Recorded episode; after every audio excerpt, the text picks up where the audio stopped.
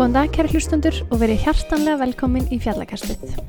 Ég vil byrja að óska ykkur gleðilegs nýs árs og vonaði að hafið haft það gott yfir hátíðnar. Fjallakastið er styrt af fjallamennsku námi FAS sem er 60 einingar nám og líkur á tveimur önnum. Námi er sérhæft nám í fjallamennsku og er ætla fyrir þá sem vilja auka eigin færðni eða starfa við fjallamennsku leðsögn. Nefendur fá tiltekin réttindi innan Fagfélags Íslenskra fjallaleðsömanna, AEMG og einnig þjálfun í fyrstu hjálp frá landsbyrgu. Og ég vil endilega hveti ykkur til að kynna ykkur þetta nám frekar á fjallanám.is.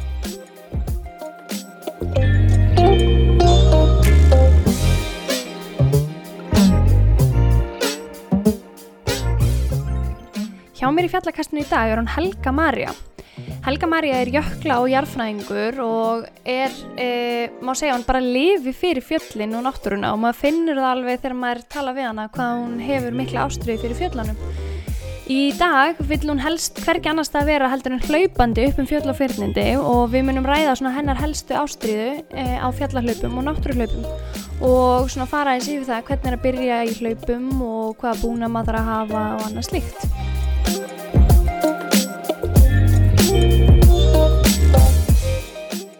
Góðan daginn Helga Marja og takk helga fyrir að koma til minn í fjallakasti. Æ, góðan daginn, bara takk fyrir að bjóða mér, heiður að fá að vera með og langaðum bara rósa þér fyrir að starta þessu fjallakasti og svo gaman að hlusta á fólk sem maður kannast við og þekkir og, spennt að sjá hverju komið til næst. Takk fyrir, takk fyrir. Eh, bara mjög gaman að fá þig sem ég leðis, búin að vera spennt að fá þig í viðtal. Eh, ef við byrjum bara svona, þú veist, hver er Helga Marja? Stóra spurningin, uh, veit maður ekkert um að hver maður er? Nei, tjók. Um, svona í stuttumáli þá er ég fætt og uppalinn Reykjavík en hef verið svolítið að ferða á flugi síðastliðin ár, cirka svona 15-20 ár, er ég búin að vera mikið á ferðalögum. Um, bæði hérna, hef ég flutt svolítið mikið en líka auðvitað ferðast mikið út af vinnu. Um, ég á eina dóttir sem heitir Alexandra og er að vera 17 ára, takk fyrir takk. Uh, hún er svona þurft að þvælast slatta með mér og við hefum bæði flutt Erlendis og farið saman í marga ferðir og það búið að vera mjög skemmtilegt. Fórum meðal annars til Kilimanjaro núna á þessu ári sem var virkilega skemmtileg ferð og alveg híklust að mæla með henni fyrir alla sem að hafa áhuga einhverjum æfintyrum. Um, ég er með BS-gráði í náttúrulandfræði og masterskráði í jöklafræði frá háskólum í Oslo og ég og Alessandra fluttum við með þanga 2010, voru þar til 2012. Um, ég ætla að segja best að lýsa mér sem smá svona fyririldi, mér finnst það rosa gaman að viðsennast í mörgum hlutum og prófa nýja hluti og, og sérstaklega tengjast útivist að íþróttum og svo ég teki alls konar námskeið, mér finnst það rosa gaman að skrá mig á námskeið. Uh, tók diploma í engaþjálfun og hlaupaþjálfun og svo er þetta með rútupróf og, og nú er ég að taka diploma í jóka, svona ekki bengast í jókakennar en meira svona jókaþjálfi. Það er mest gaman að ná, ná fyrir stafni. Og ég vil að segja, mér finnst að hérna, segja oft leiðilegast í heimi að leiðast. Já, ég held að það eigi við um okkur mörg, eh, sérstaklega svona þá sem allavega er í þessu sporti, þeir vilja hafa mikið fyrir stafni og mikið að dóti og fara út og geta gert margt. En ertu, ertu alin upp í útvista fjölskyldu eða hvena svona kveiknaði þinn áhugi á útvist? Um, nei, ekki beint svona útvista fjölskyldu. Við ferðumst, uh, fjölskylda ferðaði svona bara elda sóluna þegar ég var yngri. Með marga góðar hérna, minningar að kert ringin oft en ekki beint svona útivist. Og e, uppaði er líklega svona í kringum 2005 þegar ég byrjaði Björgunsveit og hérna kynist stelpu sem heiti Bella. Og við vorum svona tvær mikið að þvælast saman og ferast uh, og ég raunir bara að læra útivist af mistökum og hverju annari mjög skemmtilegt og það var eiginlega ekkert hérna, aftur snúið eftir það. Um, það finnst ég að líta tilbaka á þetta tímpil af því að ég er bara hlæg, maður svo mikil krakki og mistökið sem maður gerði bara svona oh my god svolítið. Og ég var auðvitað að hugsa um búnaðin og líka núna því að minnast að búnaðin okkur svo gaman að búnað á þessum tíma áttu maður auðvitað engan búnað. Og ég man eftir ég var byrjaði semst í ullarfötum sem að pappi fekk í gefans í álverinu, það er margist ekki svona álvers ullarföt svo er ég svona hvítir skíðúlpu með, í lópasokkum með ríkala ljóta húi, bara eitthvað svona sem var til, sem maður notaði. En ég á aðeins meira búnað í dag, skulum við segja. Ég er hérna, full geimsla, alls konar dóti og elska búnað. En þetta samt ágæt, var ágætt slærdómur að maður, maður komst af með bara ekki neitt. Samt gæti maður verið á fjallum og við vorum að æfa okkur að síga og, og hérna, svona næstu drepa, drepa okkur eh, reglulega. En ég hef svona alltaf verið hylla á náttúrunu og ég man eftir að vera að keira hringin og bara starra út úr gluggan og horfa fjöllin og náttúruna og svona pæla í því hvernig það var allt til og pæla í þessum heimi sem við búum í og, og hérna, mamma hefði oft minnst á það að ég var alltaf að spyrja ykkur svona flókina spurninga, veist, af hverju og hvernig og sem þau gátt ekkert svarað og það er kannski leitt það að skrá mig svo í nám í landfræði. Þess að 2007 þá byrjaði ég í náttúrulandfræði í HÍ og þaðan leittist ég að vinna eh, í leysögn heila. Þannig ég var svona hálfpartin leitt inn í leysögnuna í kringu 2008 og er búin að vera bara þar síðan. Þó að það kannski ekki verið stefnan, ég ætla að vinna upp í háskóla og vera prófessor og hérna vera að kenna og vera að grúska ykkur um bókum en, en nú er ég bara að vinna úti sem er bara geggjað. Það stundur líf, leiðir lífið mann bara á rétta slóðir. Já, skemmtilegt hvernig það getur tekið svona upp beigju Eh, mm. Kanski aðeins öðruvís að vera prófessor eða, eða leiðsögumar út í íslenskri náttúru. Eh, Smámunur. ég er mjög ána með, með skiptin, sko, mér finnst þetta bara æðin, bara forréttindu að fá að vinna við það sem ég er að vinna við og, og þakka fyrir það á hverjum degi heila bara. Já, þannig að þú byrjar svona stund að útvist á í kringum björgunasveitina, ekki satt, og klára vanta lengur að nýlega þjálfun eða eitthvað svo leiðs eh, og svo leiðistu inn í þessa leiðsögn og hvernig, þú veist, varstu bara með allt á hreinu þegar þú byrjaði að leiðsega eða hvernig, hvernig flektist inn í það?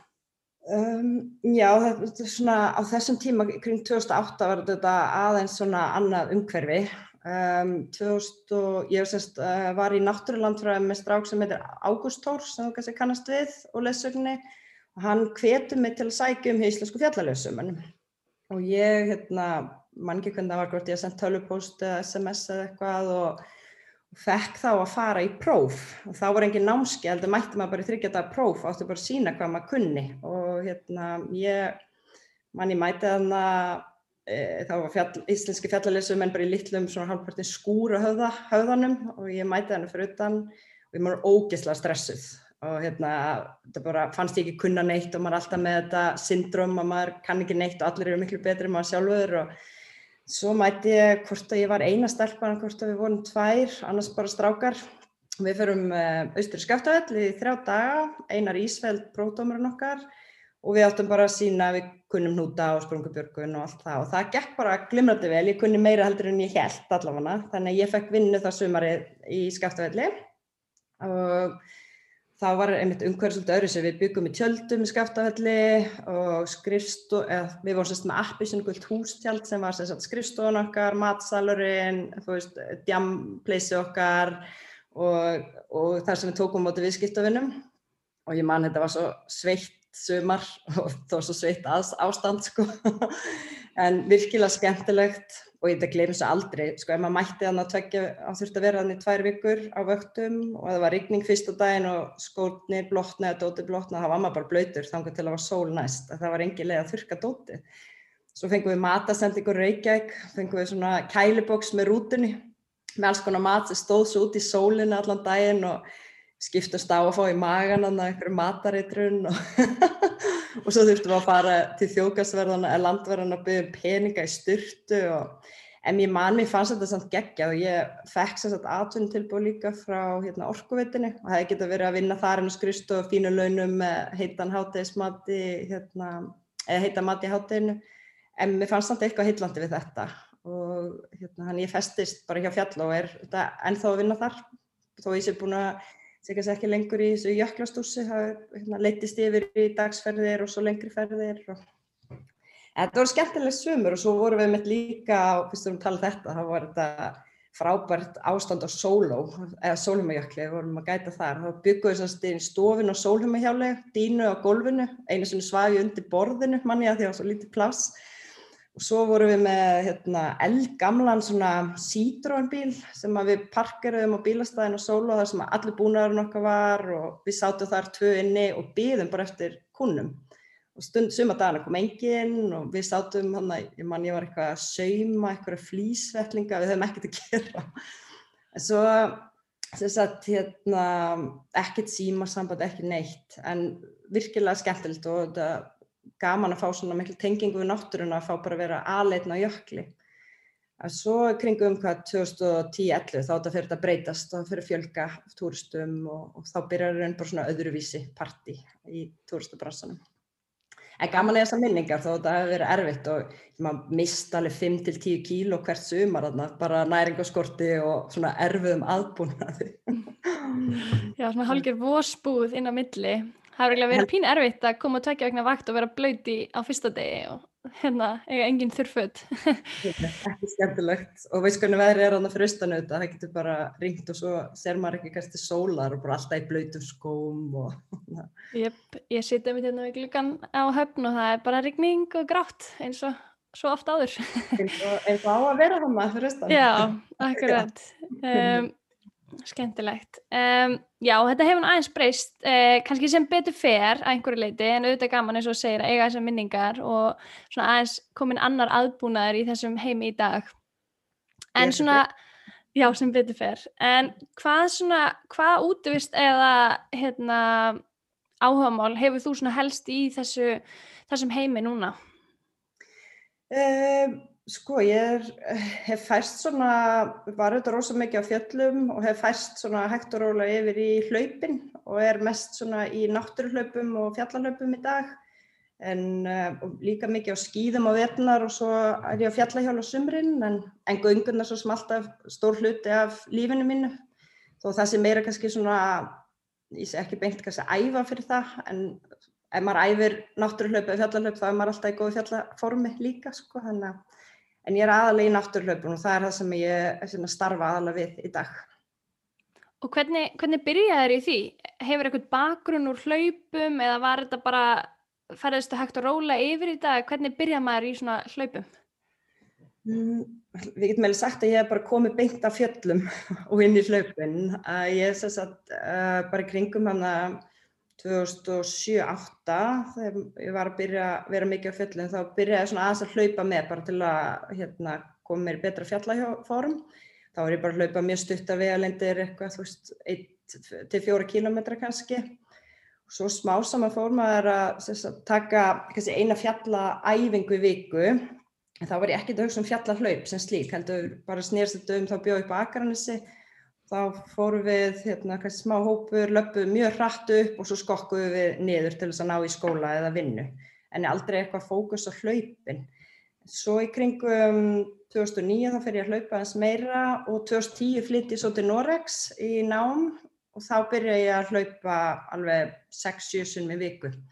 En þá einmitt ekki til að keppa eða neitt heldur bara svona til að hreinsa hugan að, hérna, á millið sem ég var að skrifa masterstrykjurna mína þá var ég að hlaupa kannski svona 10 km eitthvað svona á skóastígum fannst það virkilega gaman og því ég hef kannski búin að vera eitt ár þar þá kynnt sér hans fólki sem var í hlaupunum og fór að taka þátt í svona stittri keppnum 10-15 km en ég að það var svolítið góð skóli því á sama tíma fekk ég fæði eh, glútenóþól og verð bara svona mjög líkamlega veik. Þegar maður fær glútenóþól getur maður líka fengið hérna mjölkuróþól og siguróþól og hann er ég eða bara gatvað að lítið borðað og var bara að lifa á, þú veist, gulrótum og hérna kjöti eiginlega. Og var ekkert að borða neitt rosalega mikið sigur af því að hann fóð bara rosalega litl í mig. En það var rosalega góð skóli að því ég bara lærið það hvað við þurfum virkilega að borða til þess að geta hreift okkur. Þannig er ég kannski að æfa, ég var bæðið að hlaupa og klifra mikið á svona tíma og ég, ef ég hljóp lengri 10 km þá bara örmagnast ég. Bara eh, eiginlega hérna svona lent á vegg og þurft bara kvíli marga dag var þá lasin. En, og það er raun bara, ég var alltaf að hlaupa í næringaskort og það fer ekki vel með okkur. Þannig að þetta er bara alveg svo er alltaf verið að segja bara gummul hérna tugga að þú veist, maður verður að setja bensin á bíli þannig að núna passa ég vel upp á næringuna minna og þá finn ég það miklu auðveldara og ég raunir bara ekkert mála að bæta alltaf vissi kílometrum að bara borðar hans meira. Eða tekur hans fleiri bíl og hérna, setur bara bensin á bílun og þá getur hann haldið endalust áfram ef maður er í þokkalegu formi. Já, skemmtlegt að koma inn á þetta því að mér finnst oft svona gleymast svolítið þessi pæling með næringuna og svolítið svona í sér útivist sérstaklega að því að, og eins og í leiðsögninni þú veist að ef við hugsaum svona þess úti þá erum við bara svona hálgirir íþróttamenn. E, þú veist, við erum að lappa kannski fleiri kílómetra á dag e, mikið að, þú veist, mikið líkamlegt erfiði, en mm. síðan er ekkert neginn, þú veist, lífstílinn er ekkert endilega í samræmi við það að maður sé hálgirir íþróttamæður, þannig að mjög áhugavert á nefni þetta. Og margir einmitt sem kannski fara bara svona pína á vegg þú veist, eftir að hafa kannski lifa frekar óheilbreyðum lífstíl eh, en samt verið í mjög miklu líkamlega erfiði. Algjörlega. Og þú veist, við þurfum eitthvað til mann að borga fyrir þetta. Og eins og segir, annarkort lendir á vegg, verður lasin, lendir í meðslum meðsl kom oft bara út frá hérna, slemri eða lítliði næringu að líka mynda þarf eitthvað efni til að gera við sig og þegar við erum að hlaupa eða lappa fjöld með þunga bakboka þá erum við að slíta vöðváþráðum sem að líka með þar svo reyna að byggja upp aftur og ef þú ert ekki að borða þá er hann ekki mennit viðgerð efni sko. Ég man einmitt eftir því að þú talar um þetta eitt um var ég eins og margir í einhverju svona átæki þú veist, hérna borða minna, borða hotlar og ég lappa upp á kvandastnjúk með næstum mitt var sko paprika, eppli, eitthvað svona vittlisa, öruglega með svona 100 kaloríur í næstisbóksum minni og þetta var bara erfiðasta ferð sem ég gæta því ég var þetta bara í næringaskorti að reyna hérna að bera ábúr á fólki og sjálfur mér sko, hann að snikkers er bara mikilvægast að svo með í bappokonu þínu sko, veist, það er bara í sexi belt og snikkers, þetta er bara örgisbúnaður á fjöllum og það er, ja. hefur leysumenn og, og túristar eða hérna gungufólk hefur sótt á fjöld bara út að örmagnast af eh, vegna næringarskorts eða lítla næringar þannig Einmitt, klárlega mjög mikilvægt og einmitt kannski svona eitthvað sem er ekkert mikið umræðinni þannig klárlega eitthvað sem að svona fólk þarf að hafa í huga um, en hvað myndur þú segja svona þú veist að fólk þurfa að hafa í huga þegar það er að byrja kannski í þessum hlaupum um, að því að eins og þú segir, þú veist maður kannski lappar ekkert út bara og hlaupur 10 kílómetra eftir uh, þegar maður er að standa upp á sófanum eftir kannski langan reyfingaskort Nei, einmitt og er bara alls ekki mæla með því.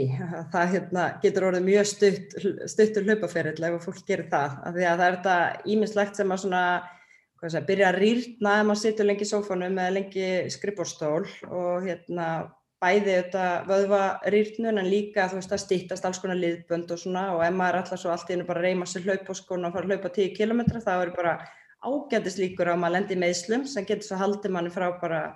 íþróttum eða áhugamálum í lengri tíma.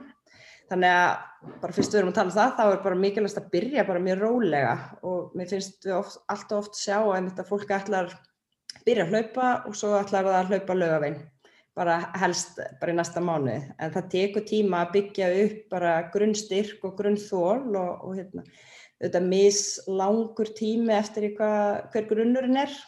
Þannig að eins og fyrir mannsku sem er búin að vera að lappa mikið á fjöllum, það er stýttir tími fyrir hann að, að hlaupa að undirbúa sig fyrir lögum heldur eitthvað sem er kannski ekki búin að gera neitt. Um, þannig að byrja með rólega og hérna, hlusta vel á líkamann og ég myndi mæla með þetta ekki, þetta er bara svona, ég er að segja bara svona overall að það getur verið sniðið að byrja bara að hlaupa annokkuð dag, þrísar í viku og bara mjög stutt til að byrja með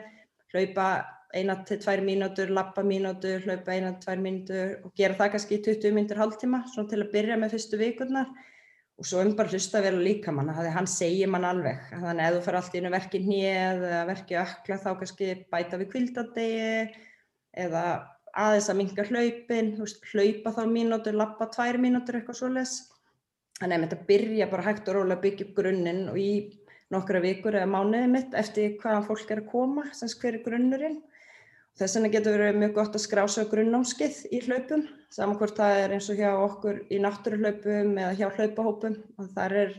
eru þjálfarar sem að vita hvernig er best að byrja byggja, að byggja upp enn grunn. Um, og það er líka kent á tækni, hlaupatækni, að því að hlaup er ekki bara hlaup, þó að það sé eðlileg hreyfing og við þurfum ekkert nema kannski góða skó til að geta tekið þátt í þessari íþrótt, þá er bara búið að gera alls konar vísindalegar rannsóknir á því hvernig er best, eh, hvernig hérna, hvað er líkastæði best þú ert að hlaupa, hvernig er best að hreyfa fæturnar, hvernig er best að hreyfa hendurnar, jafnvel hvernig hausunar að vera. Það vísinda bak við þetta allt og þó þurfum ekkert að vera pæli því eitthvað eitthvað einst á hlaupu en það er samt gott að reyna svona nálgast fullkomin hlaupastil. Það er bara minga líkunar á meðslum. Til dæmis eins og það að lenda mjög þungt á, á hælnum getur verið mjög slæmt. Svo getur verið mjög slæmt að lenda líka mjög framalega á tanni og veist, þetta getur bara leitt í meðsla. Þannig að það er alltaf að mæla með að fara á námskeið eða hlaupa með eitthvað sem er mjög vanur og getur gefið eitthvað svona hints eða pointers. Já. Það er myndið svona, fyrir byrjandur myndi ég segja þetta og ég myndi að velja sig góð skó. Já, er þetta ekki svolítið, Já, er þetta ekki svolítið svona félagskapurinn, þú veist, það er svona, mér finnst rosa mikil svona hópamyndin í kringum þetta hlaupa, hlaupasport og verðast vera rosa svona aktífur hópar sem er að hlaupa og mér finnst því svona hafa tekið svolítið eftir þeim kannski bara svona síðastleginn þrjú ár að þetta hafi svona verið að aukast og fleiri og fleiri að koma inn í þetta sport og byrja að hlaupa og svona. Og það verðast einhvern veginn allir svona, þú veist, halda mér fast í sinn hóp eða svona það verður einhvern veginn svona smá svona klík, eh, ekki klíkuskapur, það er hljómar leiðilega, en svona þú veist það verður svona hópur. Algjörlega og þetta er svolítið, er hópsport og það er, það er miklu auðvöldar að hlaupa 50 km með ykkur um heldur en einn uh, og hérna félagskapur skiptir mjög miklu máli og það að fara á æfingu með góðum vinn, það bara æfingin er ekkert en ekkert mál. Þannig að maður bara gleymið sér í spjalli og við erum að hlæja og segja sögur og bara svolítið eins og, eiginlega bara eins og að vera fjöllum. Það myndast eitthvað svona sérstök tenging á melli fólk sem að hreyfi sér saman og ég veit svo sem ekkert vísendin á baka það, en það er örglega eitthvað að þegar maður upplifir eitthvað svona skemmtilegt eða erfitt, þá svona styrkja spöndin og eins og fátt skemmtilegaldur en að fara út og vera í vósbúð með vinnisunum í 2-3 tíma á hlaupum og, og geta hleyjaði eftir á hvað það var nú geggjað eða samklikkað og geta ekki beð eftir að fara aftur og setja svona í bíl og finna ekki fyrir puttunum en uh, þannig að þetta er svolítið hópasport og, mér skils mér þess að, að hérna, þar sem að þeir eru að æfa hröðustu hlaupar í heimi í Afríku að þeir þurfi í raunin að hlaupa saman í hóp til þess að geta hlaupið svona hratt. Af því að þá ertu, segjum svo að þessu fimm hlaupar að hlaupa saman þá er kannski eitt sem að svona dregur hérna áfram svo þegar hann fer að þreytast þá kemur einhver annar og dregur það áfram og þeir hlusta ekki á neina tónlist eða neitt heldur bara að hlusta þar á í rauninni fóttaktin. Og þá hlaupa rauninni takt við hérna, fóttaktin hjá hinnum hlaupurunum. Þannig að ég veit ekki hvort þetta sé bara eitthvað genanum okkar að hlaupa saman en það er virkilega skemmtilegt að hlaupa í hóp og þegar ég bjóði mitt í Noregi þá hljópi ég hana 5-7 vikunar og ég var hljópa alltaf einn, bara næst ég held ég að hljópa einu sinna tísa með eitthvað um skólum, annars bara hljópi alltaf einn og ég held sko þegar ég kom inn að heim og byrjaði náttúrulega, ég gæti bara ekki hlaup með þér fólki því ég bara hleyp einn og það var ekkert nefnilega svona fast í mér. En svo byrjaði ég og nú bara geti aldrei hugsað mér að byrja að hlaupa alltaf einn, mér finnst það alveg gott að fara kannski einu sem tísar í viku einn, bara hlusta á tónlist og það er hins og hugan og svona en, en ég myndi ekki nennað í dag eftir dag eftir dag. Nú bara verði ég að hérna, eiga vinni sem að nenn hlaupa Svo er þetta líka rosalega hvetjandi að þegar maður er komin í svona hóp og, og meiri hlutun að vinum manns er í þessu að veist, maður er alltaf að fá okkur skil upp og hei, takk aðeins um morgun. Og maður er bara svona já, já. Og, og ég djók oft með það að ég er ekkit besti hlaupar í Íslandi, ég er svona meiri partíhlaupari, mér finnst rosalega gaman að mæta eins og því ég tek þátt í laugaveginu þá er ég bara að mæti í partí í landmannlaugum og svo hleypi í partí í Þórsmörk, það er svona, ég er svona hlaup Já, og góða æfingarna á milli. En svo er þetta eins og hérna, ég fæ oft bara svona komment frá vinnum og svona sem er ekki hlaupunum sem að segja hvernig er þetta að hlaupa 50 km ég get ekki svona hlaupa á milli ljósastöra en máli er að þegar þú hlaupir 50 km þá ert ekki að spretta. Þú ert ekki á sama hrað og ykkur fer hérna út og allan hlaupa 1-5 km á okkur mega peysi. Þetta er ekki það hratt hjá flestum. Og við þú veist þú lappar upp brekkur og svo hleypur maður á jafnsléttu og svo er, er alltaf lægi að þú finnur fyrir þreytu að lappa smá og byrja svo að hlaupa aftur og þetta er raunin bara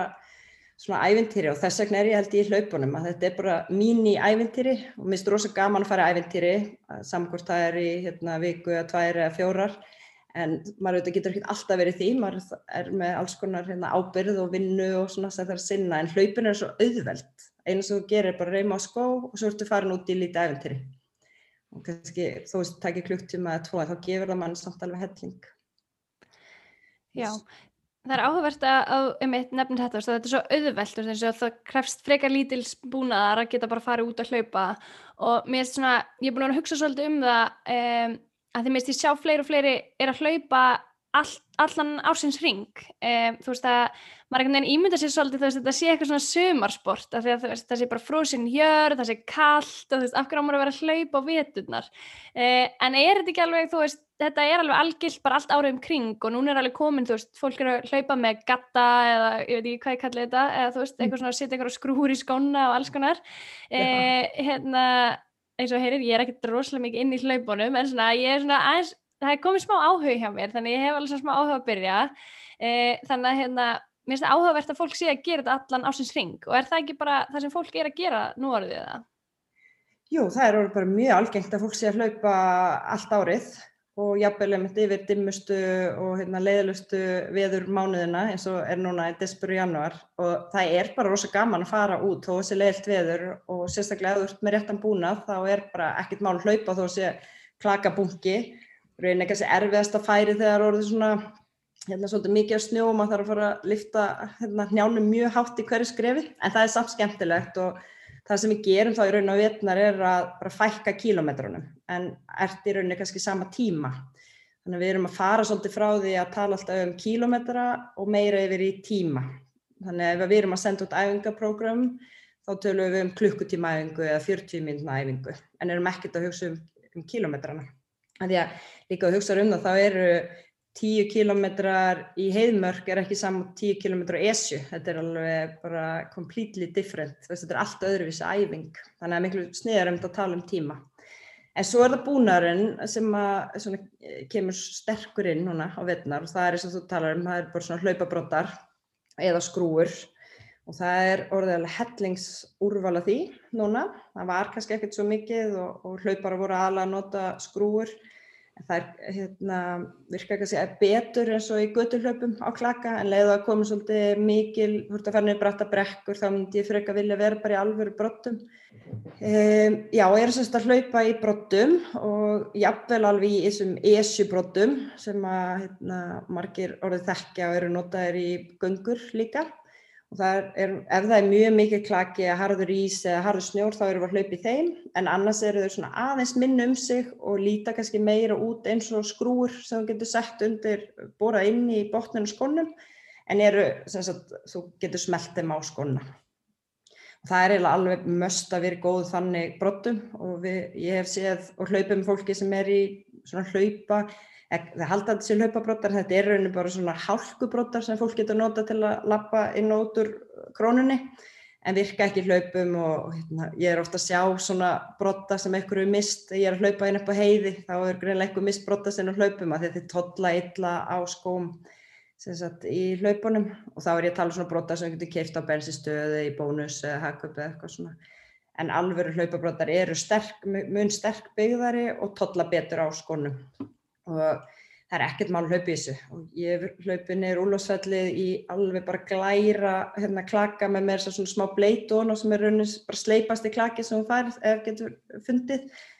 Finn ekki fyrir neinu, þau bara neglast alveg inn í klakan og ekkert mál hlaupa. En þetta er bara öryggisatriði að vera í góðum brotum og þó þau kosti tíu og skatt þá er það útýra heldur en einn færð upp á sliss og, og miklu ánægilega að hlaupa því að þú getur ekki hlaupi en þú ert ekki að renna til í hverju skrefi En ja. þetta er mikilvæg búnaður og svo er þetta ennisljósið sem að, það er ekki gaman að hlaupa án ljós. Þannig að vera með gott svona 350, lámar 350 lúmenna ljós og jafnvel meira. Það er mjög gaman að hlaupa með 800-900 lúmenna ljós, maður sér allt.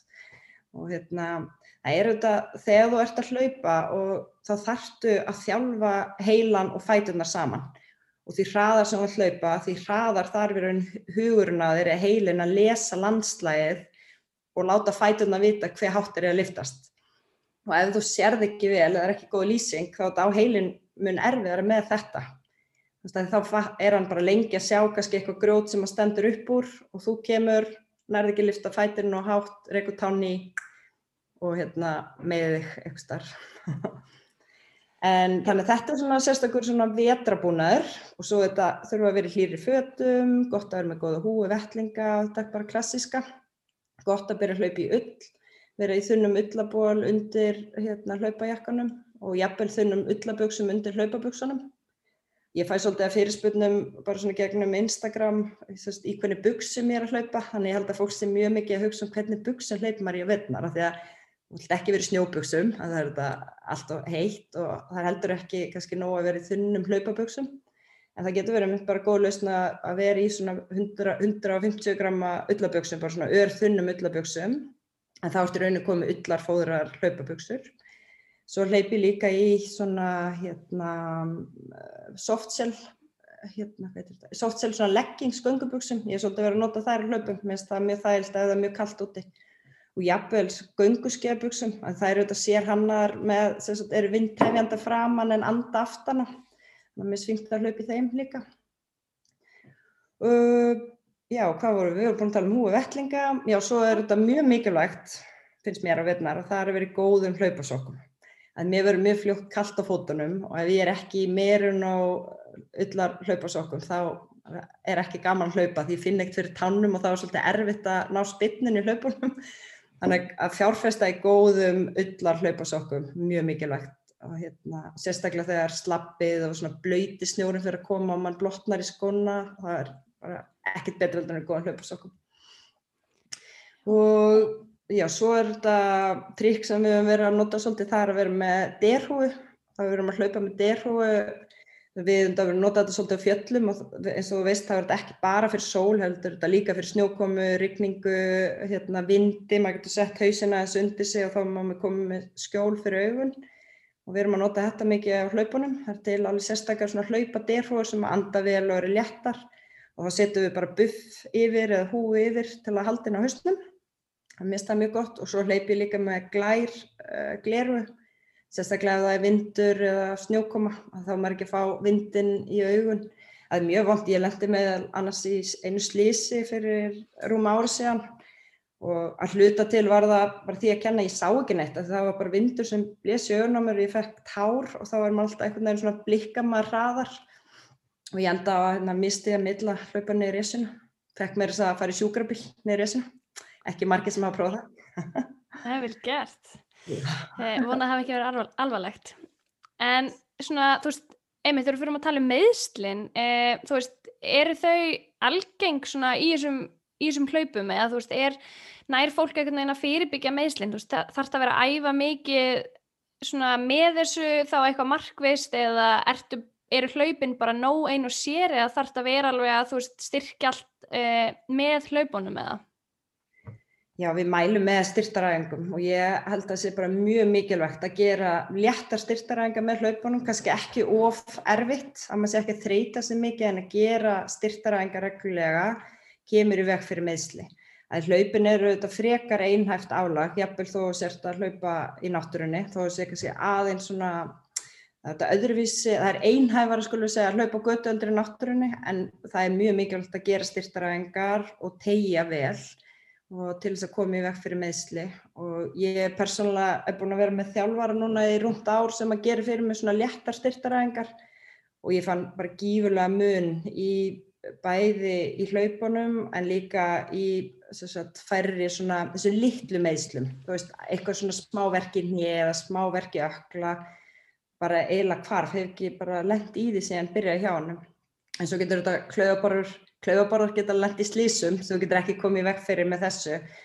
En að myndi að gera æfingar, styrkja baki, styrkja kórin, þú veist, gera góða tegjur, tegjaregla, bara þetta skiptir, myndi ég segja, eiginlega öllu máli. Eru þá svona eins og hlaupahópanir, þú veist, eru þeir að æfa þá saman að þennan hátt líka, ekki bara hlaupa eða?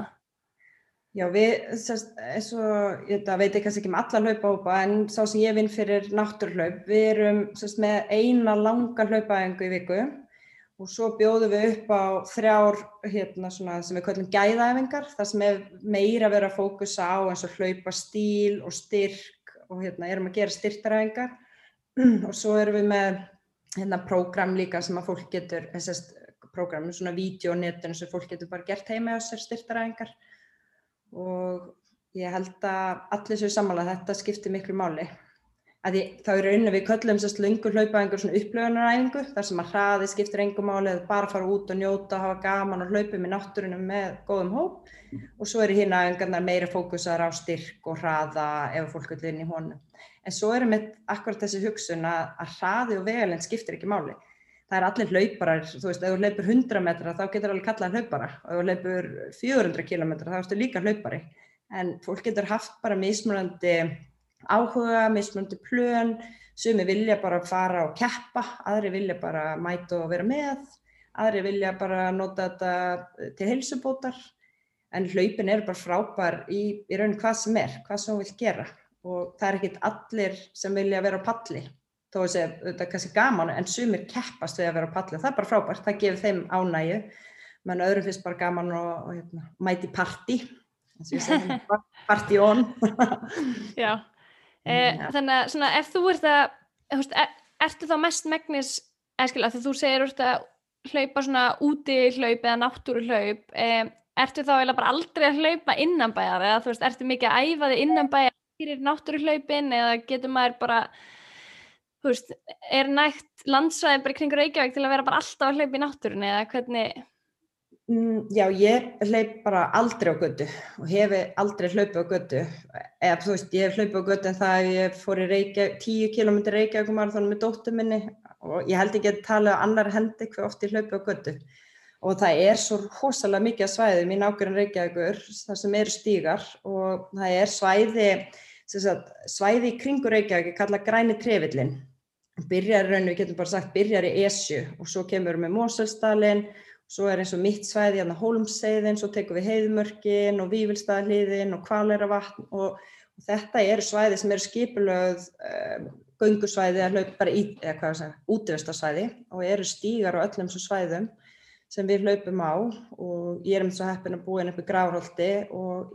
ég hleypi svona 200 metra þá er ég komin með upp og inn á þetta stígakerfi og ég geti verið á stígum og hlaupið út í Hafnafjörð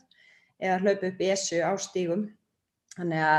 það er algjör óþar að hlaupa á götu ef maður vill það ekki. En hérna, ég á fylgta vinni sem elskar að hlaupa á götu sem bara frábært. Ég, það er einhvern veginn, ég, kannski er ég ekki hlaupari, veist, ég er meiri bara svona útveistamannskja sem er stundum að hlaupa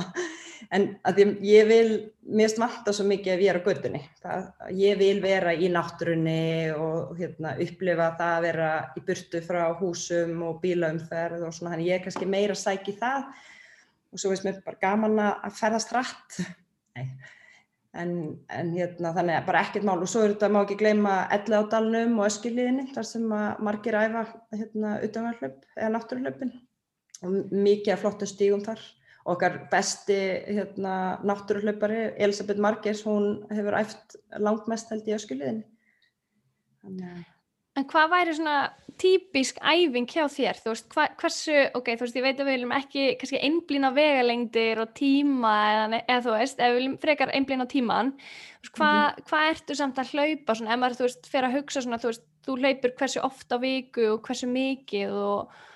svo leiðis, hvað er? Sko, það er, hérna, rosa mismunandi eftir í rauninni hvað hva tímabil ásins það er. Og ef við erum að æfa fyrir eitthvað ákveðin hlaup eins og fyrir laugavegin þá erum við að hlaupa langt mest sagt, mánuðina sem er mánuðina fyrir laugavegin en þannig að þú gæti verið að hlaupa bara mjög stutt og lítið aðalega kannski fókus að halda þér í formi á haustin og kannski fram til svona janúar, februar og þá byrjar að auka við kílometrafjöldan og kannski svona í mars-april þá byrjar að hlaupa alveg 3-4 sem í viku mjög reglulega og Eh, sagt, nýtir svo það sem við kallum langarhlaupið sem er yfirlt á helgarhlaup, lögadar og sundar þá er það í rauninni aðal, segja, aðal hlaupið, hlaup vikunar að, og það hlaup lengist alltaf lengist. Þángar til þú ert að hlaupa kannski 35 km svo kvílur í eina til tvær vikur og svo mætur í lögvin þannig að og svo annarkvært hættur að hlaupa eftir það eða ert búin að skráði eitthvað annar hlaup eins og súlur sem er um vestlunmannahelgina og þannig ef þú ert að færa það þá kvílur kannski eina viku, tíu daga og byrjar svo bara aftur strax að æfa því að þú ert að færa í annað svona langt hlaup. En margir taka lögavinn og, og kvíla svo það sem eftir lifi sumars, byrja svo að hlaupa aftur á haustin og byrja svo aftur um voru að auka kílometrafjöldan fyrir þá eins og lögavinn. Þannig að svo er aðrir að æfa sig fyrir 100 km eða 160 km, þá eru æfingarnar aðeins öðruvísi. Mér finnst rosa gaman að cross-treina, þannig ég er mikið, er að hjóla, er fyrir fjallgöngur, en ég reyna að hlaupa allavega þrýsa fjórsunni viku og mist langt. Og eins og í gær þá tók ég hérna, þrjárferður upp úlvarsfellið sem hlaupaðingu þar undan tók ég manna ekki þú veist 10 km hring upp á heiði og reyna að hafa þetta svolítið svona fjölbreytt. Svo eins og fymtaði náttúrulega hitta vinkonum minna í tröppunum í Kópói þá hlaupum við upp og niður tröppurnar. Það er aðalega svona sósjál þá erum við bara að spjalla og erum að sapna hæðametrum á meðan. Og það er svo marga leiði til þess að æfa og þetta þarf ekkert að verða alltaf sami 10 km ringurinn í hverfinu. Það er eins og ég var að nefna á hann öll þessi svæði kringum Reykjavík. Maður getur farið eitt lögut á þanga, annar lögut á eitthvað annað og svo getur maður, ég verið í ESU-hóp sem að hittist kortir í 6 og 15 smótnum og þá löpum við svona, já, tökum svona mjög hraða göngu upp að steinu og hlaupum svo niður. Að það er bara endalust úrval og þess vegna að þetta er svo fjölbreytt að verður maður eitthvað aldrei þreytur á þessu, alltaf gaman. Svo skipulegi við alls konar ævintýri. Ég meðal annars að skipulegi fyrir svona hlaupa ári sem kallast árstíðarhlaup og þá bara býi bara til alltaf einhverja leið, bara fara í svona eitthvað ævintýri og það er ekki keppni, það er svona samhlaup og höfum hérna, það er alltaf sem sagt á árstíðarskiptum, þannig að það er sem sagt sumar, hérna, uh, sumarsólstöðuhlaup og vetrasólstöðuhlaup og svo vor og höstjafdagarhlaup og það hlaupið saman hvernig veðri er og það er við um hlaupið alveg geggjuveðri og líka það sem ég held að meiri hlutin þóldi mig ekki í nokkra klukktíma eftir að þau heldu að þau yrðu bara úti það var ógeslegt veður 21. desember og miðnætti ekki starf upp á heiði í brjálu veðri en alltaf gaman, það er alltaf gaman að þó maður lendir í vondu veðri það er eitthvað við að lifa af. Þú veit að ekki þetta bara fara út í brálu veðri og koma svo inn að fá sér heitt kakko og þetta er bara, maður er bara high on life, þetta er svo geggjum mm -hmm. tilgjörning sko. Það kemur mann líka alltaf óvart hvað maður þólir miklu meira heldur um maður heldur, þú veist, maður er mm. alltaf bara heldur um að sé að dreppast í einhverjum aðstæðum en síðan, þú veist, er maður eiginlega langt frá því að vera eh, eins og í einhverju bráðri hættu Algjörlega, og það er einmitt grænlenskt máltæki sem ég hugsa svo oft um og mann og ekkert hvernig það eru grænlensku svo sem en á Íslandi það er eitthvað svona þegar þú heldur og getur ekki tekið eitt skrifið bót þá ertu akkurát hálnuð að þú getur alltaf farið heim. Að því, veist, það er líka minn, þú veist, hann byrjar að láta þig vita, heyru, þú ert í hættu eða þú veist, nú þarftu að fara að koma þér inn í hlíuna eða fara að borða eða eitthvað en það er svona bara viðvörunar, það er eins og bensiljósi á bílniðinum þú, þú getur alveg keirt áfram en hérna, það kemur svona bensin og segir bara, herru, nú þarf þetta eitthvað að fara að pæla hans í því, við erum ekki alveg nokkuð á málum, en maður getur alltaf komið sér heim eitthvað veginn, sko, hann Já, þetta er gott máltæki. Uh, áreglega mjög vel við í hlaupunum. Uh, og maður svona, allavega þú veist ég er alltaf að hugsa hvort maður kemst einhvern veginn á þann punkt veist, að það verði ekki erfitt, veist, er ekki alltaf erfitt að hlaupa eða þú veist, að því að veist, það er alltaf eitthvað svona, já, ég er ekki nógu góður hlaupaformi, eða þú veist, fólk hugsa svolítið mikið þannig, mm. eh, en er þetta, þú veist, þetta er alltaf, alltaf smá challenge þó þú sért komin í eitthvað x gott form, þú veist, þú ert að viðhalda forminu, en þú ert samt svona, þú ert samt alltaf að challengea sjálfur á einhvern hátt, er það ekki? Jú, al, alveg 100% og ég hef eftir maður svo goða setningu sem ég hugsa oft um og, og segja oft að þetta verður aldrei auðvelt, þú fer bara aðeins hraðar eða fer aðeins lengur og eins og fyrir suma er bara mjög erfitt að hlaupa 200 metra. En það er en þú veist, það er kannski alveg erfitt fyrir einhvern annan að hlaupa 10 þú veist, hún fer bara aðeins lengra, aðeins hraðar en líka minn er alltaf erfið. Þetta er alltaf erfitt, sko. Þannig að þetta fer svolítið eftir vegalengdin eða tímanum eins og kannski fyrir mér er ekki erfitt að hlaupa í 5 minútur en fyrir mig að hlaupa stanslust í 10 tíma er mjög erfitt. Og það er kannski, ef skilur hvað ég meina. Þannig að, einmitt, maður og þetta er kannski sem er svo skemmtilegt við öll sport að maður er maður er alltaf að setja sér eitthvað markmið og þau þetta bara stækka svo ár frá ári en maður er alltaf með eitthvað markmið sem er svo gaman að vinna að og ná. Og þau þurfa ekki alltaf að vera stóru eins og segja fyrir byrjandur það er bara gegja markmið að, að hlaupa 5 km svo breytist það í 10 og við erum með fólk sem hefur byrjað á grunnámski hjá okkur náttúruhlaupum og gæti ekki hlaupið, veist, 400 metra og er að hlaupa kannski hálf marathón núna. En það er bara alltaf búið að setja sér nýtt markmið, ná því, setja sér nýtt markmið. Og það er svo gaman að koma sjálfum sér óvart. veist, ég fyrir kannski veist, tíu ári síðan uh, þegar ég byrjaði að hlaupa þá hefði ég aldrei trúið að ég geti hlaupið 50 km ef eitthvað sagt að við mig bara nei, mér finnst mjög erfitt að hlaupa 10 þú veist, ég er aldrei að hlaupa 50 nú finnst mér það bara gegja og þá skráði ég með 100 km því að maður þarf alltaf að setja sér ykkur nýmark til að vinna svo kemur bara ljós hvort ég geti hlaupið 100 km en það kemur bara ljós Hvað er það lengsta sem þú hefur hlaupið núna? Það, ég hef hlaupið 53 km, það er sérst, ég hef hlaupið hengislaupið og lögavinn sem eru sérst 53 km. Og núna er markmiðið sérst 100 km næst eða? Já, 100 km í henglinum. Og ert að æfa fyrir það núna eða? Já, ég var eiginlega bara að byrja núna bara í byrjun januar í svona markvissu en ég er svo sem alltaf að æfa og fyrir mér er æfa er ekki æfa, mér finnst það bara skemmtilegt og ég sé ekki fyrir mér þú veist vikuna mína eða dagina að gera eitthvað, þú veist, mér finnst það bara skemmtilegt þetta er rauninni bara lífstíl þetta er Mhm. ekki lengur, ég er ekki inn á æfingaprógrami en núna er ég svona kannski aðeins að meira fókus á það að þú veist, fara lengja hlaupin og, og, og hérna, vinna markvist í styrk og svona að ég ætla að reyna að komast heil í gegnum þetta 100 km því að svo þetta tekur bara allt sumar við. Það var fullt af skemmtilegum partíum sem maður þarf að mæti að mæti lögavegin líka og svo er ég að fara í landvættina. Er einn af þjálfurum í landvættaprógrami sem við hjá náttúruleupum erum með. Þannig að það er mjög hérna, skemmtilegur hópur og mikið partí og það er nóg framöndan þessu ári Já, skemmtilegt. En hvað hva er svona lengsta undirbúningshlaupi sem þú þarf að hlaupa fyrir 100 km hlaup? Þú veist, hvað hva verður lengsta vegalengdin í æf, æfingunum? Það er ekki að taka svona 6 til, já svona 6-7 tíma fótum, þú veist, kannski 50-60 km eitthvað svo les. Og maður þarf að gera það nokkur sinnum. Í rauninni, þú veist, erum við kannski að hlaupa eins og núna 20-25 km og svo aukum við það upp í 30, svo 35, 40, 45. Svo ekki þessi fínta kannski reyna á tveimur 50 km hlaupum fyrir hérna og það er alveg kannski fjórum, fjórum vikum fyrir hlaupið, þrejum fjórum vikum fyrir hlaupið er síðasta langar hlaupið. Svo fer maður í það sem að kallast taper, þá minga maður æfingamagnið, þessast æfingatímana og er raun komin í svona hálfgerða kvíld, bæði þetta fyrir líkamann, líka bara fyrir hausinn. Og svo vikuna fyrir svona hlaup þá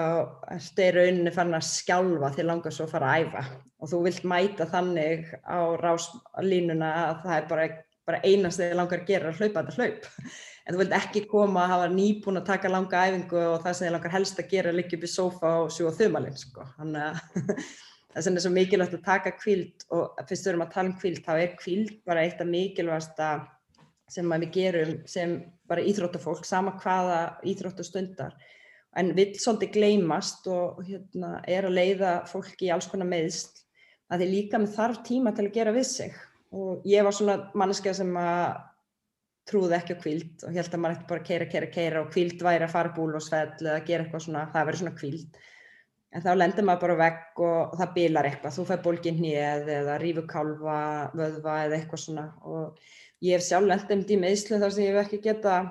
æft að neinu viti kannski, þú veist, fjóra til sex vikur. Og ég var alveg viss um það, ég myndi bara dettur öllu formi og þurfti að byrja upp á byrjun og hausin á manni fer svolítið svona spila með mann. En svo bara það sem gerðist að ég byrjaði að hlaupa aftur eftir, þú veist, eftir ég er búin að jafna mig og búin í recovery og ég var bara í betra formi heldur en áður. Því að þá bara þurfti ég virkilega kvíld og líka bara gerði við allt sem maður bilað og ég mætti bara eins og nýslegin túskildingur á, í hlaupaskona og þú veist, ló, þó maður, ég ekkert mikið að pæli hraða en þá er það ágætis svona, hvað segir, ágætis merkjum að einhvern formi maður er og allt í hennu kem ég úr svona langri sjúkrakvíld og bara slæ mín met. Þannig að kvíld, maður á ekki að vera hrættu kvíld og hérna, ég held að margir mættu hérna, pælaðist meir í kvíldinni. Og, og líka við fjallafólkið, þú veist, þú ert að skýða dag eftir dag eftir dag og er komin á sjönda dag. Það er bara orðin ágættist líkur að eitthvað gerist. Bæðir hausina er einhvern veginn orðin svolítið svona þreyttur og hnén orðin aðeins þreytt og þá er bara meiri líkur að eitthvað komið fyrir mann sko. Já, ég man eftir því að þegar ég kom fyrst heim frá Semaní eftir fyrsta veturum minn og spuna skýða nánast alla daga í fimm mánuði eitthvað. Ég var á mitt orðin frekar slæmi hnjánum og fór til sjúkraþjálfur og hann var bara, vá, þú ert eins og sjötu kona bara, þú veist, það er bara hvað hva hefur gert þér? Ég var bara, uh, já, ég er bara búin að skýða, hafa gaman. En þú veist, þá er maður einmitt ekkert búin að vera að hugsa um sig, þú veist, því að tæknilega sé ertu kannski að æfa á leveli sem að, þú veist, íþróttamenn gera, eh, en síðan ferði bara og sest og ferði bjór þegar þú kemur heim og ert ekkert að tegja eða borða, þú veist, neitt öðruvísi en vannalega eða neitt svo leiðis og jafnveld þú stjama til tvö og mæta svo aftur skilabræknum hluka nýju og líka mann ekkert búin að gera viss sig sko þannig að það er einmitt þannig ertu bara að æfa svo atvinni ítrótt að manneskja og átt í rauninni að kvíla og recovera eins og slík sko mm -hmm. Það er gott að vera vitur eftir á uh, og vonandi lærum maður af þessu en er eitthvað svona Er eitthvað sem stendur upp úr á þínum ferli eh, þá ekki endla bara í hlaupum, þú veist bara í fjallamennsku eða svona einhver ævintýri sem stendur upp úr hjá þér? Um, og það eru svo rosalega mörg, þú veist, margt skemmtilegt búið að gerast, búið að vera bara æfintýralegu tími, en ég hugsa að það sem stendur upp úr er líklega fólkið sem maður er hitt á leiðinni. Og minnst þau eru búin að ótrúlega heppin, búin að kynna svo mikið að snillingum og hitta alls konar fólk sem er að gera alls konar hluti. Og ég held lengi vel að ég vildi bara ferðast út á náttúrunni, þú veist, verandi læra eða vera jarfræðingur og þess að fara og taka myndir af einhverjum fjöllum eða steinum. En svo kem ég alltaf heim og það sem að stóða upp úr er fólkið eða menningin eða eitthvað sem ég hyrði eða lærði. En ég myndi segja fólkið og, og ég hef þetta líka rosalega heppin að vinna með alls konar fólki sem að bara hvert og sig hefur kent mér eitthvað nýtt. Og líka eins og ég var að gæta ferðir bæðum íslingum og útlingum það er svo gaman að spjalla fólk það eru allir svo klárir á sinnhátt og hérna, ég elska hvað allir eru eitthvað svona sérfræðingur sínu, hlut, í sínu starfi eða sínu því sem er að gera. Þannig að mér finnst mjög gaman að hérna, spjalla í fólk og reyna veiða úr haustum á því sem það er búið að læra á lífsleginni þannig að ég geti svona reynd að tróða því allir inn í eitthvað heilasölur hjá mér. En svo þetta, eins og voru kannski aðspun að koma inn að bæði fjallamennsku og í hlaupunum og í allir útvist að svo gaman að vera að koma sjálf að um að trúir sjálfur. Og smá saman auðvitað kannski eikst alltaf svona trúin manns á það hvað maður getur en þá bara byrtist eitthvað nýtt markmið sem maður heldur um að maður get ekki. Og þá verður maður að prófa, sjá hvort maður hérna, getur það líka. Þannig já ég hugsa já og þetta, þetta er búin í öll þessu ferli, öll sem maður er búin að gera maður er búin að kynna sjálfum sér líka mjög vel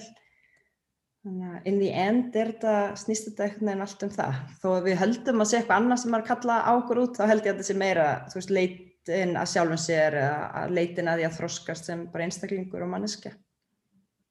Já, góðu punktur. Og einmitt þetta er ekki kannski endilega fjöllin heldur einhver svona tilfinning innram með manni þegar maður er á fjöllum eða úti eða eitthvað sliðis mm -hmm.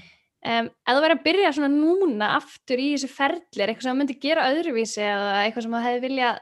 gera, já annan hátt? hátt. Um, í rauninni ekki en samt jú þetta er svona svolítið svona blendin tilfinning af því að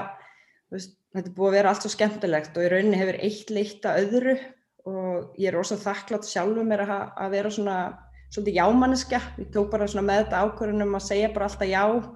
stundum þetta enda ég að hafa allt og mikið að gera og hérna, svo að þrjá tíma sólarhinga því ég er búin að taka mér alltaf mikið verkefni sem ég vil klára en, hérna, en ég held að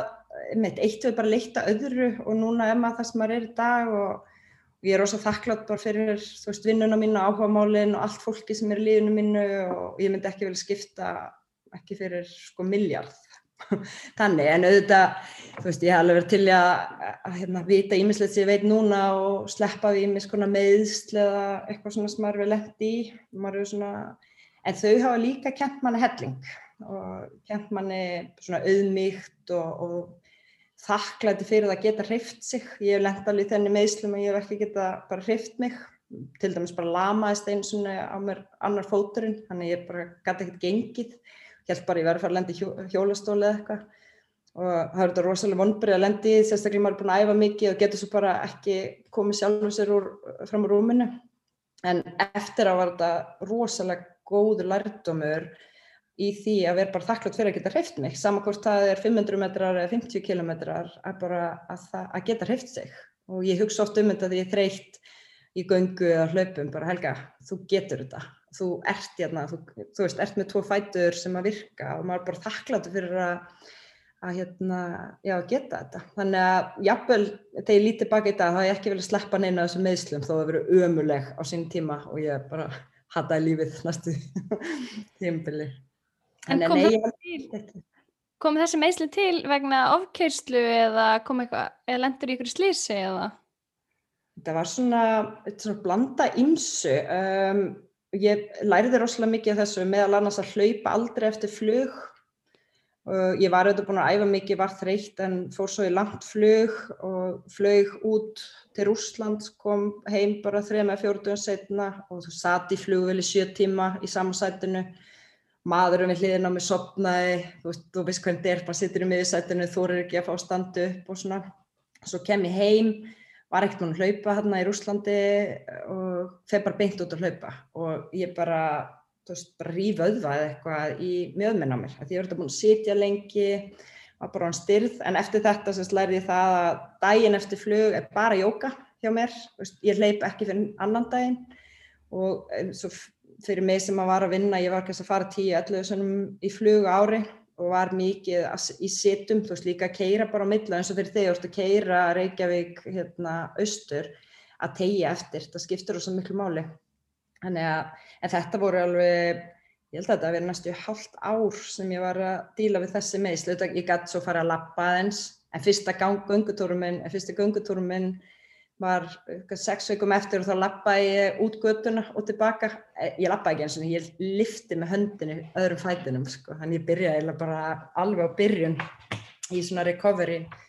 En þetta var mjög góð skóli og, og ég er mjög góð í svona recovery og endurhæfingu og öðru slíku. Þannig að maður lærir alltaf eitthvað og, og það er kannski gott að hafa bara bak við eira því að margir lenda í meðslum og, og í hlaupum og eins og öðru að og það verður líka skóli að lókum að maður lærir eitthvað. Og maður er auðvitað lett í alls konar brasi svona gegn tíðina sko en Eitthvað brasi sem stendur upp úr? Já ég, maður er auðvitað lett í ymsu sund fyndið og annað ekki. Þannig að svona kannski tveitt aðla sem maður stendur upp úr, eitt er svona pínu fyndið. Ég þess að þó með hóp til Albaníu ferð einsinni og þetta var svona átímanna hópur og þegar voru eitthvað þrýr dagar eftir ferðinni þá fengu allir nema einn bara bráða matareitrun, bara hræðilega matareitrun. En hérna, við vorum reyndar óheppin, veist, það, maturinn í Albani allt er bara æði, Albani æðislegt land, en það var það rosa stormur og mikið rigning og það hefur bara flotið upp úr, þú veist, hérna, hvað ég segja, uh, þú veist, við borðum salat, já, eitthvað svona, maður kannski bara slappaði að borða salat, en mm. við semst borðum salat og bara fyldist með á 12 tími, bara allur hópurinn bara hrinja í matareiturinn, eru bara kvítir framann og það var hæðilega. Ég til dæmis og eiginlega meirhundan hópnum gæti bara ekki borða neitt drukki 72 tíma og daginn eftir að allir fengu matareiturinn þá þurftu við að sitja í rútu sem sagt frá norður Albaníu gegnum Kosovo og alveg til hérna, mið Albaníu. Þetta er ímyndar að sitja í rútu í 25-60 hýrta og allir bara svona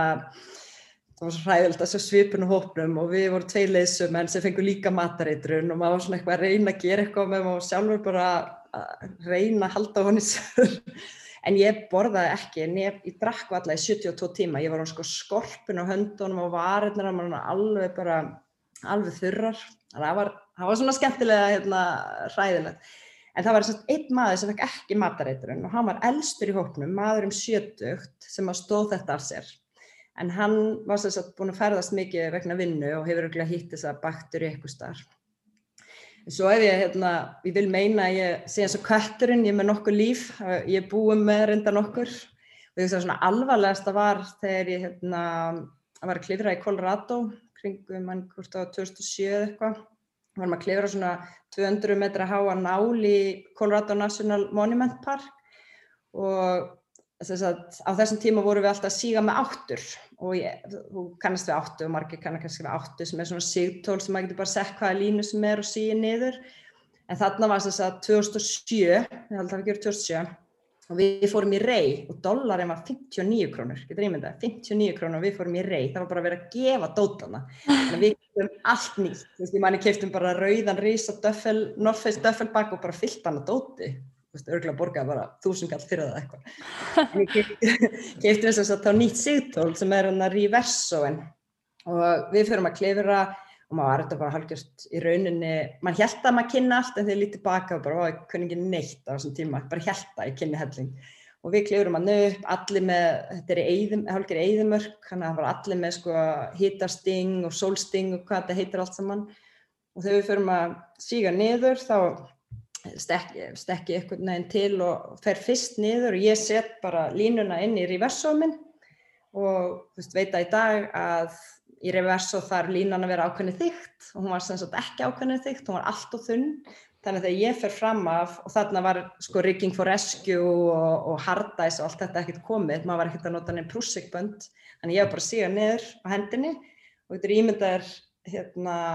hvað heitir þetta, það var ekkert viðnáminn í sittólunum minni, þannig að ég fer fram af yfirhangandi klætt, 200 metra niður og ég bara missi línuna, af því ég, það, það kemur bara brunni, það er bæði sko brendist í gegnum vettlingi sem ég var með og ég seg alveg, ég veit ekki hvað það verið margir metrar 20 metrar bara á hendinni. Þannig að ég fekk sko línubruna í gegnum peysuna sem ég var í og ég skil ekki og þeir sem voru með mér, hugsa ég skilja ekki ennþá í dag, ég skildi ekki bara fara 200 metrar niður og enda aðna sem eitthvað klessa. Um, En eftir þetta trú ég svolítið á power of no, það er alltaf að tala um power of yes, ég trú á power of no, af því að eina sem ég man í öskraði var bara nei, nei, nei, nei, nei, nei, nei, og ég er bara fleið ferðarna niður. Það sem bjargaði mér var að rétt ára það kemur þverrýpin niður, þá er svona smá slapp og í slappinu, einhvern veginn, næ ég bara að lenda og grýpa í línuna og línan bara fer og fleið ferðin í sigtólu, ég næ að stoppa einhvern veginn bara á brúninni. Og ég man ennþá að ég stend og ég bara stoppa og ég horfi upp og stráka, nokkur strákar sem ég voru með þeir liggja svona brúninu bara ert að djóka, ert á lífi? Þeir bara ekki trúast, bara ég lægi með ég, já ég held það. Bara mjög adrenalínu sjokki og það á þessum sekundu brotum ég sá sko líf mitt bara fljúa fyrir mér og fyrir, hvað heitir þetta, fyrir hugar sko, en hann liði, ég liði þetta af. Svo hef ég dótti hérna onni í, gegnum vök á jökulóni hann af gíjökulóni sem var hérna fyrir eifelljökulskossi ég fór þanga onni í fullum ískrúða ísklífusgrúða kallast það vist alls konar eitthvað svona bras. En hérna á þessi tíma þá held ég kynna allt en hérna, núna veit ég að ég kunn ekki allt og ég veit að líka í dag ég kann mjög lítið, eða skilur veist, það er sem kemur með reynslun held ég maður átt að sá hvað maður kann lítið. Já, það, maður verður maður verður alltaf svona auðmík, meira auðmjúkur með hverju árinu sem maður er í þessum eh, heimi einhvern veginn. Og það er mjög fyndið þegar maður er að byrja þá finnst maður að maður kunna allt. Eh, og er bara stór hættulegur, þetta er stór hættulegt skeið sem maður fyrir gegnum byrjun. Klarlega Slýstöngin og slýsin, sem betur fer eins og segir, maður verður auðmjögari, það er mjög gott og lýsandi orð. Ég held að það er við, við okkur öll. Um, en þetta hefur verið heljarinnar ævintýri, heyri ég og var hnútur á línunni eða? Alveg ekki. Nei, Okay, Þannig... En máli var að þarna er við að fara á námskeið sem heitir Rigging for Rescue. Við fyrstast okay. í Colorado og eru svona einna fyrstu hópunum til að fara á þetta námskeið og þá fórum við einmitt út til þess að hérna, hitta gaurana, Rigging for Rescue gaurana. En áður en við förum á námskeið þá förum við að klifra og þá gerist þetta. Svo fer ég á hérna, tíu dag Rigging for Rescue námskeið sem var ágætt að því ég hugsa ef ég hefði ekki verið bara hengt strax í línu daginn eftir, þá hefði ég aldrei farið aftur, að þá hefði ég náðu að byggja með mér óta sko, bæði fyrir hæg og fyrir línunum, en bara daginn eftir mæti ég þannig bara í sáru umbúð með þetta línubruna á puttunum og höndunum og feð bara beint í félagabjörgun, þannig það var bara, hérna, ég hafði ekkert val sem var bara ágætt. Og í dag er ég hérna, eiginlega ekki trætt við hæð, mér er þess að held sem búin að missa þrývitaskynni, þannig stundum eins og ég fór hérna upp á hraundrang í sumar og ég er bara svona að horfa niður og mér finnst bara þess að ég horfa á mynd. Ég sé ekki dýftina þannig ég, kannski er ég eitthvað, vantar eitthvað hausin á mér eða hvort maður sé bara búin að hanga svona mikið í hæð að maður hættur að átta sig á hæðinni. Það kann, kannast þú við þetta? Ég veit ekki hvað um, Já, ég haf mjög samt eftir hvernig, hvernig landslæðið er, þú veist. Ef það er bara þvernýpi þá, þá sé ég það betur sko, uh, en ég, einmitt, þú veist það er fyndið, mér erst í stundum upplifa óta en ekki alltaf, þetta er, þetta er svona svolítið dagamunur, hvernig maður bara líður með þetta. Og algjörlega, einmitt, það er alltaf dagamunur á mann saman hvort það er í hlaupunum. Stundum langar manni ekki að hlaupa og stundum bara getur maður ekki beð eftir að komast út sko, þannig að akkurat og þetta svipa með hæðina, stundum er maður kannski eitthvað óöryggur bara með sjálfa sig og þú veist, treystir ekki sjálfum sér í aðstæðanum sem maður er í, þó það hefur í þeim í gær, sko. Emmett, balansin er einhvern veginn stundum misjafn held ég eftir dögum eða eitthvað svona, maður fær svona stundum einhver, einhverju svona ónóta tilfinningu eh, sem er ekki alltaf til. Eh, en svona hvert liggur leiðin núna hjá þér? Er einhver svona markmið, þú ert náttúrulega að fara að hlaupa 100 km í hengli eh, mm -hmm. en einhver svona framtíða markmið eða eitthvað svona sem þú vil deila með okkur? Já, ég ætla allavega að halda áfram í útvist þanga til að ég er deg. Ég er að vona að ég hérna, verði það heppin að geta verið áfram í einhverju. Þetta veit ég að breytist með aldrinum, að stýttast við að leindnar eða eitthvað þú veist gerist. En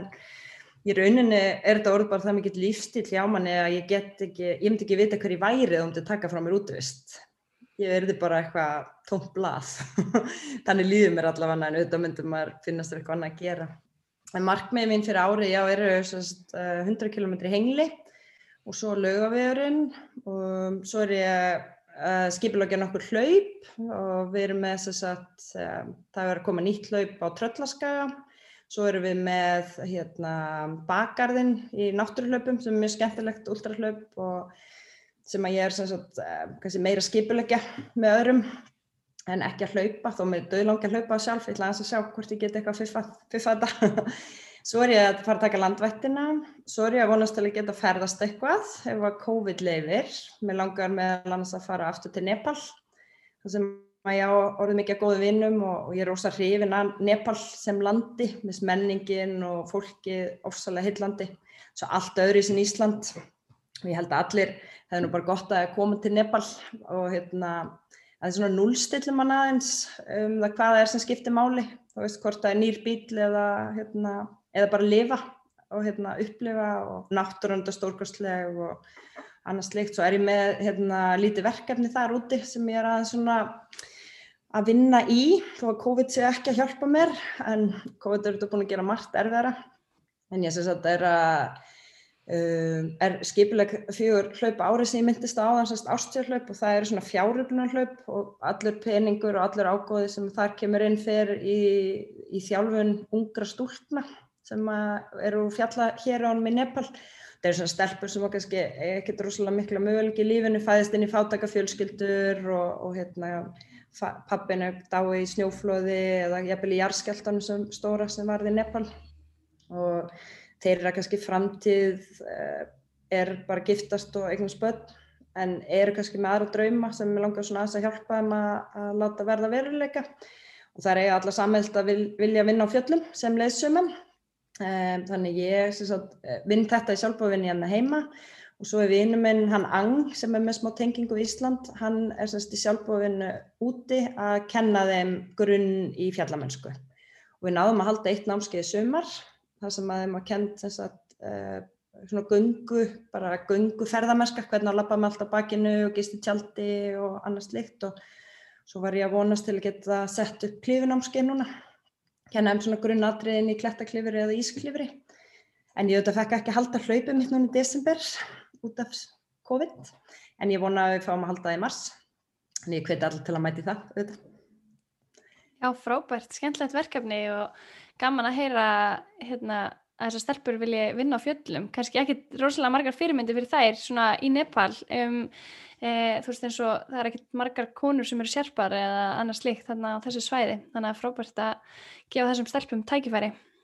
Alveg 100% rétt hjá þér það er, svona, það er aðeins að byrja að byrtast núna á sjónasviði stelpur sem eru að vinna í fjallalýsögn en það er, það er ein veist, sem er orðin eitthvað svona þekkt nafn en það eru mjög fár og eins og segir kallar eru aðala í sérpavinnu en þeim dreymir og ein hérna litla, litla stelpa mín, hún er svo mikið krútt, hún addaði mér á Facebook er alltaf að senda mér skilabóð henni langar svo að fara Everest þannig ég ætla að vinna því að láta hennar draumur rætast. Og það er svolítið fyndið, það er rosalega ef kannski ekki fyndið, það er alveg magna hvaða gleður mann mikið að hjálpa og mér var eiginlega í fyrra að fara að líða eins og ég væri í þessu ykkur sjálfselsku verkefni. En samt var ég alltaf að minna mig á það bara nei Helga þú veist að gera þetta til að hjálpa þeim. En mér fannst bara svo gaman að vera að vinna þetta allt í sjálfbóðvinna, sapna búnaði fyrir það er að koma því út og þótt að hellingsvinna svona á kvöldin. En þá bara leið mér eitthvað svo vel með gleðja og þegar hún sendi mér skilabóð þá væri ég eitthvað svo glöð og mér finnst þetta eitthvað svo krútlegt. Og ég hef svona þurft að minna sjálf á má, nei ég er ekki gerð þetta sjálfsælsku þannig að það er, það er sætla gefin að þykja, það er mikið til í því hérna máltækja Já, hár rétt eh, Góð áminning svona eftir jólin eh, fyrir mann, sjálfan eh, En það búin frábært að fá að tala við þig og spjalla um hlaupin og ástriðina þína fyrir fjallamennsku og útvist. Um, takk kærlega fyrir að koma til mín í fjallakasti. Það var mjög gaman að tala við þig. Bara takk fyrir að bjóða mér. Gaman að spjalla við þig og við sjáumst á fjöllum. Já, við gerum það. Takk kærlega fyrir að spjalla við mig.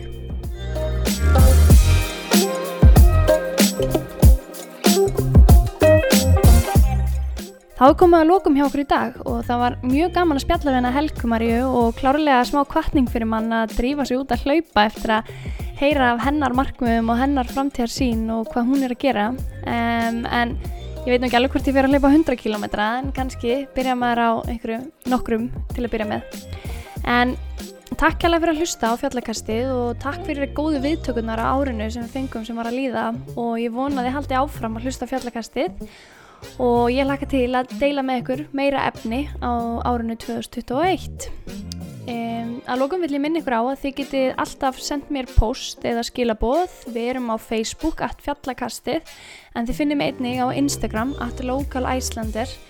um, þar sem ég deili æfintýrum og því sem ég er að gera hverju sinni. Takk fyrir!